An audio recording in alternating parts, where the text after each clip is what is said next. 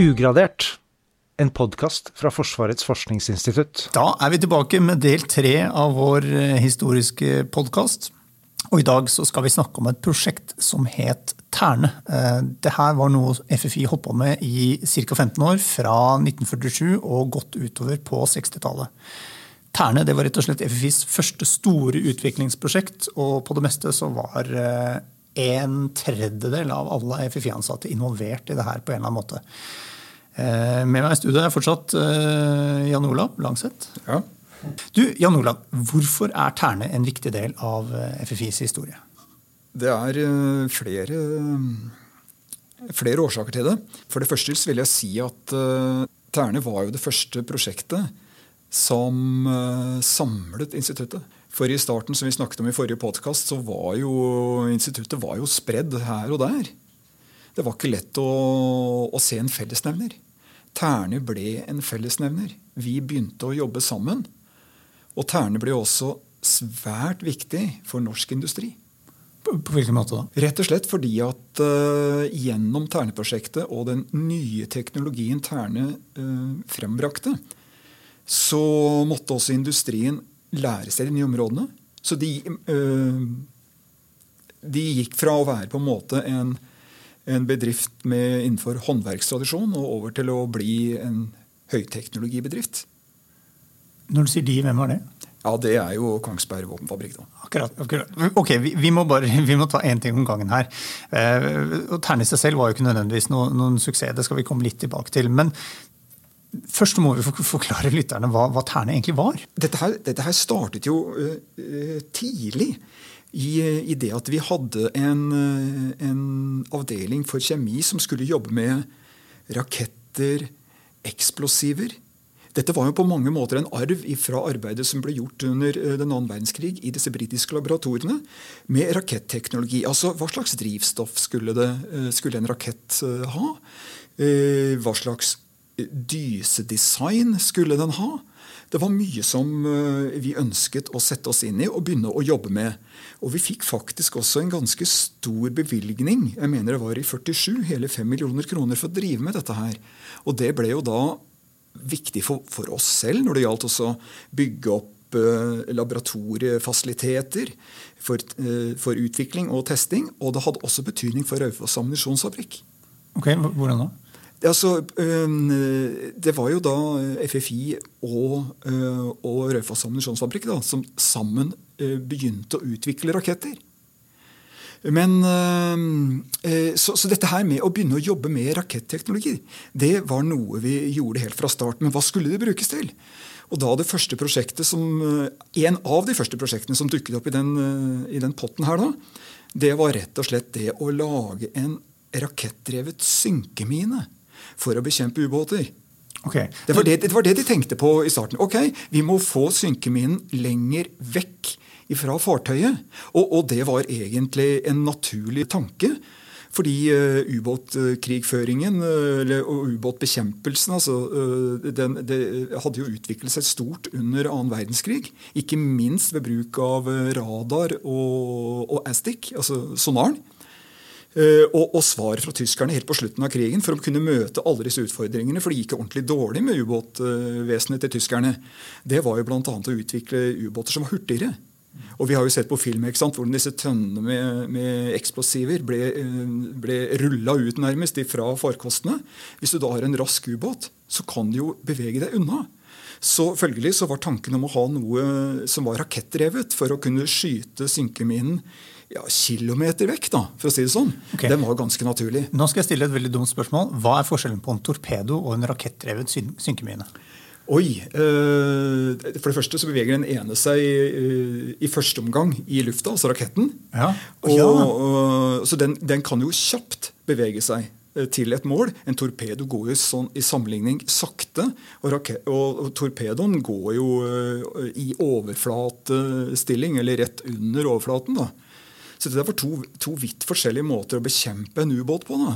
Ja, nemlig. Så, så, greit, for da sender du da synkeminen gjennom lufta den første delen, og så går den under vann og treffer Men, men, det, du, men det, du, det, du, sier der, er også ganske viktig. fordi en, en, en rakett som skal bekjempe en, en ubåt, beveger seg altså først i lufta, og så skal den ned i vannet.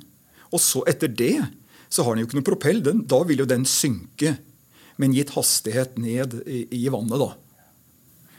Så da måtte de på en måte løse det med beregninger for bane og hvor, hvilken vinkel den skulle treffe vannet med, og, og dette satt de og regna på? Ja, det gjorde de, og ikke minst i de prosjektene som kom etter den første primitive eh, starten, for å kalle det det. Da okay. Da vi bare så på selve raketten. Det er feil å si primitivt, men et, det var jo ikke noe system ennå. Det var en rakett. Nemlig. Så Tern 1 var den rakettdrevne synkeminen. Fikk de noensinne laget en sånn som funket? Uh, altså, den, den, det, det, var på en måte en, en rakett. Den, det, den, måtte jo ha mer enn som så. Og det som, det som, gjorde at den kunne bli et system, det kom egentlig åra uh, etterpå. Da. Ja, Og det var det som ble kalt Terne 2? Det var Terne to. Hva, hva var det som var nytt her da? Jo, for da skjedde det noe veldig spennende. Og øh, det har på en måte ikke blitt helt klart tidfestet. Uh, men jeg har lest et sted at det var en tanke som dukket opp rundt 1950. Og det var jo at uh, hvorfor ikke koble aktiviteten som skjedde i Horten, som da var knyttet til det å lage sonaren eller ASTIC, da, uh, mot Koble det sammen med rakettarbeidet som ble gjort ved eh, kjemiavdelingen og for så vidt etter hvert fysikkavdelingen. Så da var tanken rett og slett også å lage et anlegg som kunne beskytte havner. Så da eh, var ideen eh, ASTIC, havneastikken, mm. som, som, FFI hadde jobbet med helt fra etableringen. Mm. Altså I motsetning, bare for å si det, altså ekkolodd det var jo en, en, en dings som ser rett ned. Mens astic er jo da en, en, en sak som der er du mer kan rette lette uh, lydstrålen for å finne mer posisjon og relativ bevegelse og alt det du normalt sett vil trenge for å, å finne en farkostig bevegelse. Så, uh, så, I Horten hadde de jobbet med dette. Og så var jo tanken ja, men denne raketten som vi har jobbet med, hvis vi da har en, en utskytningsrampe, eller en launcher som de kalte det, og den blir styrt i henhold til signalene som, som Austiken øh, fanger opp, da har vi et komplett system som kan bekjempe ubåter med, med, en utskytingsrampe fra land. Det var, det var Terne to. Og, og, og, det var jo en helt ny tanke. Nå skulle vi altså lage et system med, med forskjellige typer teknologier. Her, her, snakket vi om eh, flere nye ting. Bl.a. en finmekanikk som vi ikke hadde eh, starta på ennå. I tillegg til servoteknikk, altså det å få denne rampen til å bevege seg kontrollert osv. Da bli justert i henhold til signalene som Astic-anlegget da fanget opp. Så altså finmekanikk, eh, raketteknologi, undervannsakustikk. Og dette var noe helt nytt i internasjonal sammenheng? Nei, det tør jeg ikke si eh, at det var. Eh, det var nok flere som jobbet med dette, bl.a. Eh, britene. Men det som var forskjellig fra det norske systemet, det var at det var så mye mindre. Det var så mye mer kompakt. Det var så mye lettere. Og det kom til å ha betydning for det neste trinnet av, av antiubåtvåpenets Ternits utvikling. Da. Og hva var som kom, Det var Tern 3. Hva var som kom da? Da var hele ideen, da de hadde sett at oi, vi kan lage noe som er ganske kompakt. Eh, dette kan vi faktisk ha på fartøy. Og greia var at eh, de, de norske marinefartøyene var ikke så store. Mens f.eks. britene hadde store, eh, store fartøy som kunne da huse langt større konstruksjoner, så hadde ikke vi det. Og nå så vi at dette kunne faktisk eh, komme om bord i, i, mye mindre farkoster, om det så var en liten uh, torpedojager, eller hva de nå kalte fartøyklassene sine. Ok, Så, så Terne 2 var i utgangspunktet et landbasert system, mens Terne 3 var over på mindre mm -hmm. ja. Da var det rett og slett å altså, få det om bord i farkoster, i fartøy. altså. Men hvordan, hvordan ble det, det, arbeidet her mottatt? Hva mente egentlig Sjøforsvaret om, om det prosjektet her? Det, det, står faktisk at eh, Eller rett og slett, la meg si det sånn. Da det første anlegget ble levert ifra Kongsberg, som produserte det, da, endte opp med, med å produsere det, så sa eh, admiralen, altså sjefen for Sjøforsvaret, han sa at det de, de hadde nok vært ganske mye tvil om dette hadde, noe, dette hadde noe for seg da de ble presentert for dette her i 53-54. Så, så de, det var nok en viss motstand men hva var det som gjorde at de var skeptiske? der kan jeg egentlig bare synse. Dette her var jo veldig komplisert. Eh, og det var en helt annerledes måte å bekjempe ubåter på. Altså Det norske forsvaret hadde synkeminer rundt 1950. Og det var egentlig ikke noe avansert i det hele tatt. Dette var altså en helt ny tankegang om at eh, en sonar skulle plukke opp en ubåt. Faktisk var det to typer sonarer om bord i, eh, i, farkosten. Og at det så skulle bli retta inn en, en, rakett, eller hadde en rampe som skulle ta hensyn til båtens bevegelse. Den rulla, den stampa. Skulle ta hensyn til om det var mye vind. Og Dette her skulle jo tross alt da skytes ut, gå ned i vannet, og så ikke minst det skulle gå av i nærheten av en ubåt. Hvordan skulle du få til det? da? Underveis i sånt arbeid så er det jo veldig mye testing og prøving og ikke minst feiling. Eh, har jeg skjønt. Kan ikke du fortelle litt om, om hvordan det her gikk? Altså, det var jo ikke noe suksess fra dag én. Ja, det var, dette her er jo klart det er veldig komplisert, eh, og det er mange komponenter som skal, som skal spille sammen. Og testene ble jo gjort i Norge. F.eks. bare dette her med å, å, sjekke hva slags vinkel eh, Terneraketten treffer vannet med, og med hvilken kraft. Og ikke minst hvordan vil det påvirke det som heter et brannrør, altså den, den dingsen som, eh, som, skal sikre at eksplosivet skal gå av under gitte betingelser. At ikke det setter av hele greia bare fordi du treffer vannet med en ganske stor kraft. Det var veldig mye sånt som eh, de slet med. Det var snakk om hva slags rekkevidde. Eksempel. Får du raketten virkelig til å gå så langt som en skulle? Eh, noe av det første de sleit med, det var helt tilbake i Terne 1, det var jo at de hadde utstyrt med altfor store halefinner. Mm -hmm. Så den ble jo altfor vindfølsom. Så den traff vi overhodet ikke. Og er det noe du må vite? Du må jo være trygg på at, eh, at, eh, at raketten faktisk går dit du vil. Så det var, det var testing i Norge. Men operativ testing, altså det å teste mot ubåter, selvsagt da med, med, med, kalde granater, altså uten eksplosiver, det ble faktisk gjort i et anlegg som US Navy hadde utenfor Key West i Florida. Og det skjedde faktisk i over to omganger. Vi hadde fått et, vi hadde fått et fartøy en jager som vi kunne installere vårt anlegg på. Og vi dro da over til, til Florida og fikk testa det. Med både med, Egentlig med vekslende hell, vil jeg si. Okay. Ja, altså det, det, som var det store problemet der, det var jo at uh, disse, uh, disse såkalte brannrørene de, uh, de, satte av eksplosive eller sagt, de, de, tente da, ved anslaget mot havoverflata, til tross for at de egentlig ikke skulle gjøre det. da. De skulle ha en funksjon som hindret at det skjedde da. Mm. Og i hele tatt, det der, der eh, med å lage et brannrør eh, for dette formålet, det var en av de store utfordringene. F.eks. hvordan skulle du vite at du er i nærheten av en ubåt? Det som endte, de endte opp med, det var egentlig at hver rakett hadde sitt eget lille ekkolodd. Altså Den sendte av gårde et akustisk signal, fikk en refleks ifra, ifra ubåten. Og så klarer du å time dette ved såkalt dopplereffekter, eh, som gjør at du finner ut når du er nærmest, og så setter du av. Bare sånn som folk, det, folk, som hører på, de har jo sikkert ikke sett det systemet her. Altså, hva slags dimensjoner var det på denne raketten? Som man sendte av gårde? Eh, raketten den var, eh, om jeg husker riktig, så var den, eh, den er ca. to meter høy og den har vel en diameter på en 20 cm. Og, og, vekten er vel en, jeg tror det var 120 kg, og den inneholdt 40 kg sprengstoff. da. Det var det. Og hver utskytingsrampe hadde plass til seks sånne raketter. Og Det var jo også et poeng i det systemet som etter hvert ble produsert, at du skulle kunne skifte ut denne kalde kassetten da, med de seks ganske hurtig. og Det skjedde bare på 40 sekunder. Dette var jo lynraskt. Og som jeg sa i sted, dette her var jo også kompakt. Så det kunne bli plassert på så mange fartøy uten å komme i konflikt med annet utstyr osv.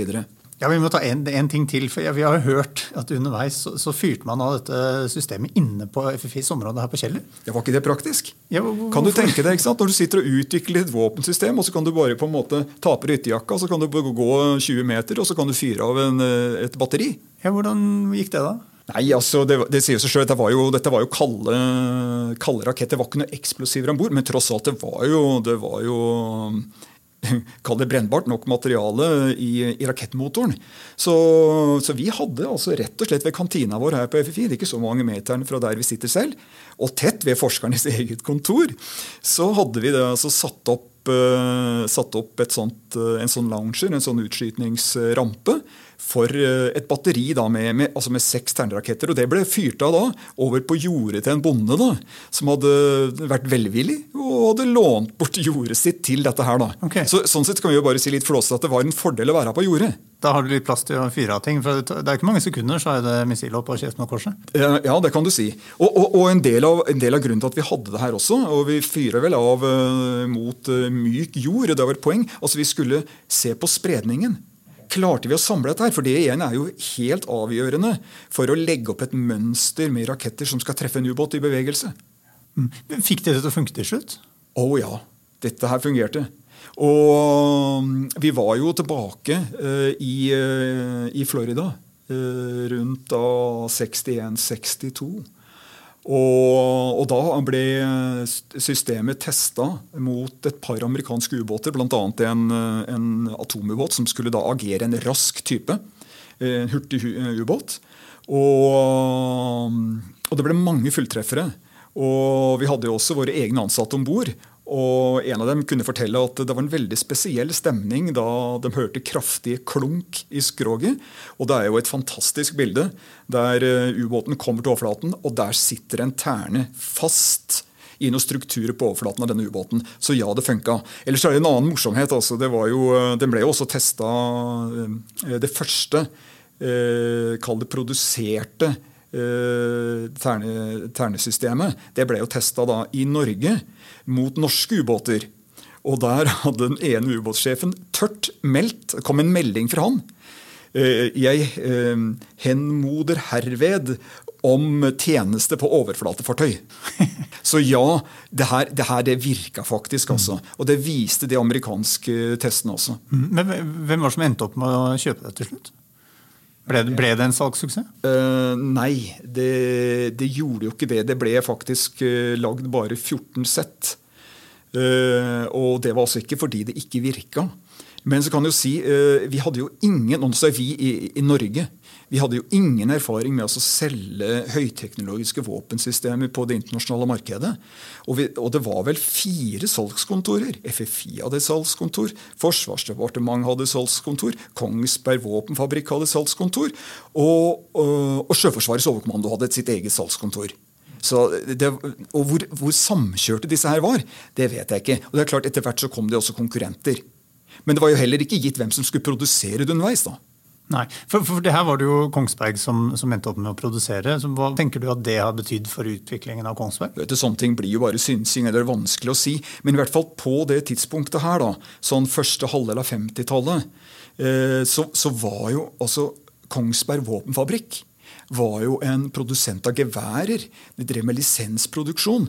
Det var, eh, det var statens egen bedrift for militært utstyr. Eh, det var 1000 mann. Men de, eh, det, var jo tufta på gode håndverkstradisjoner.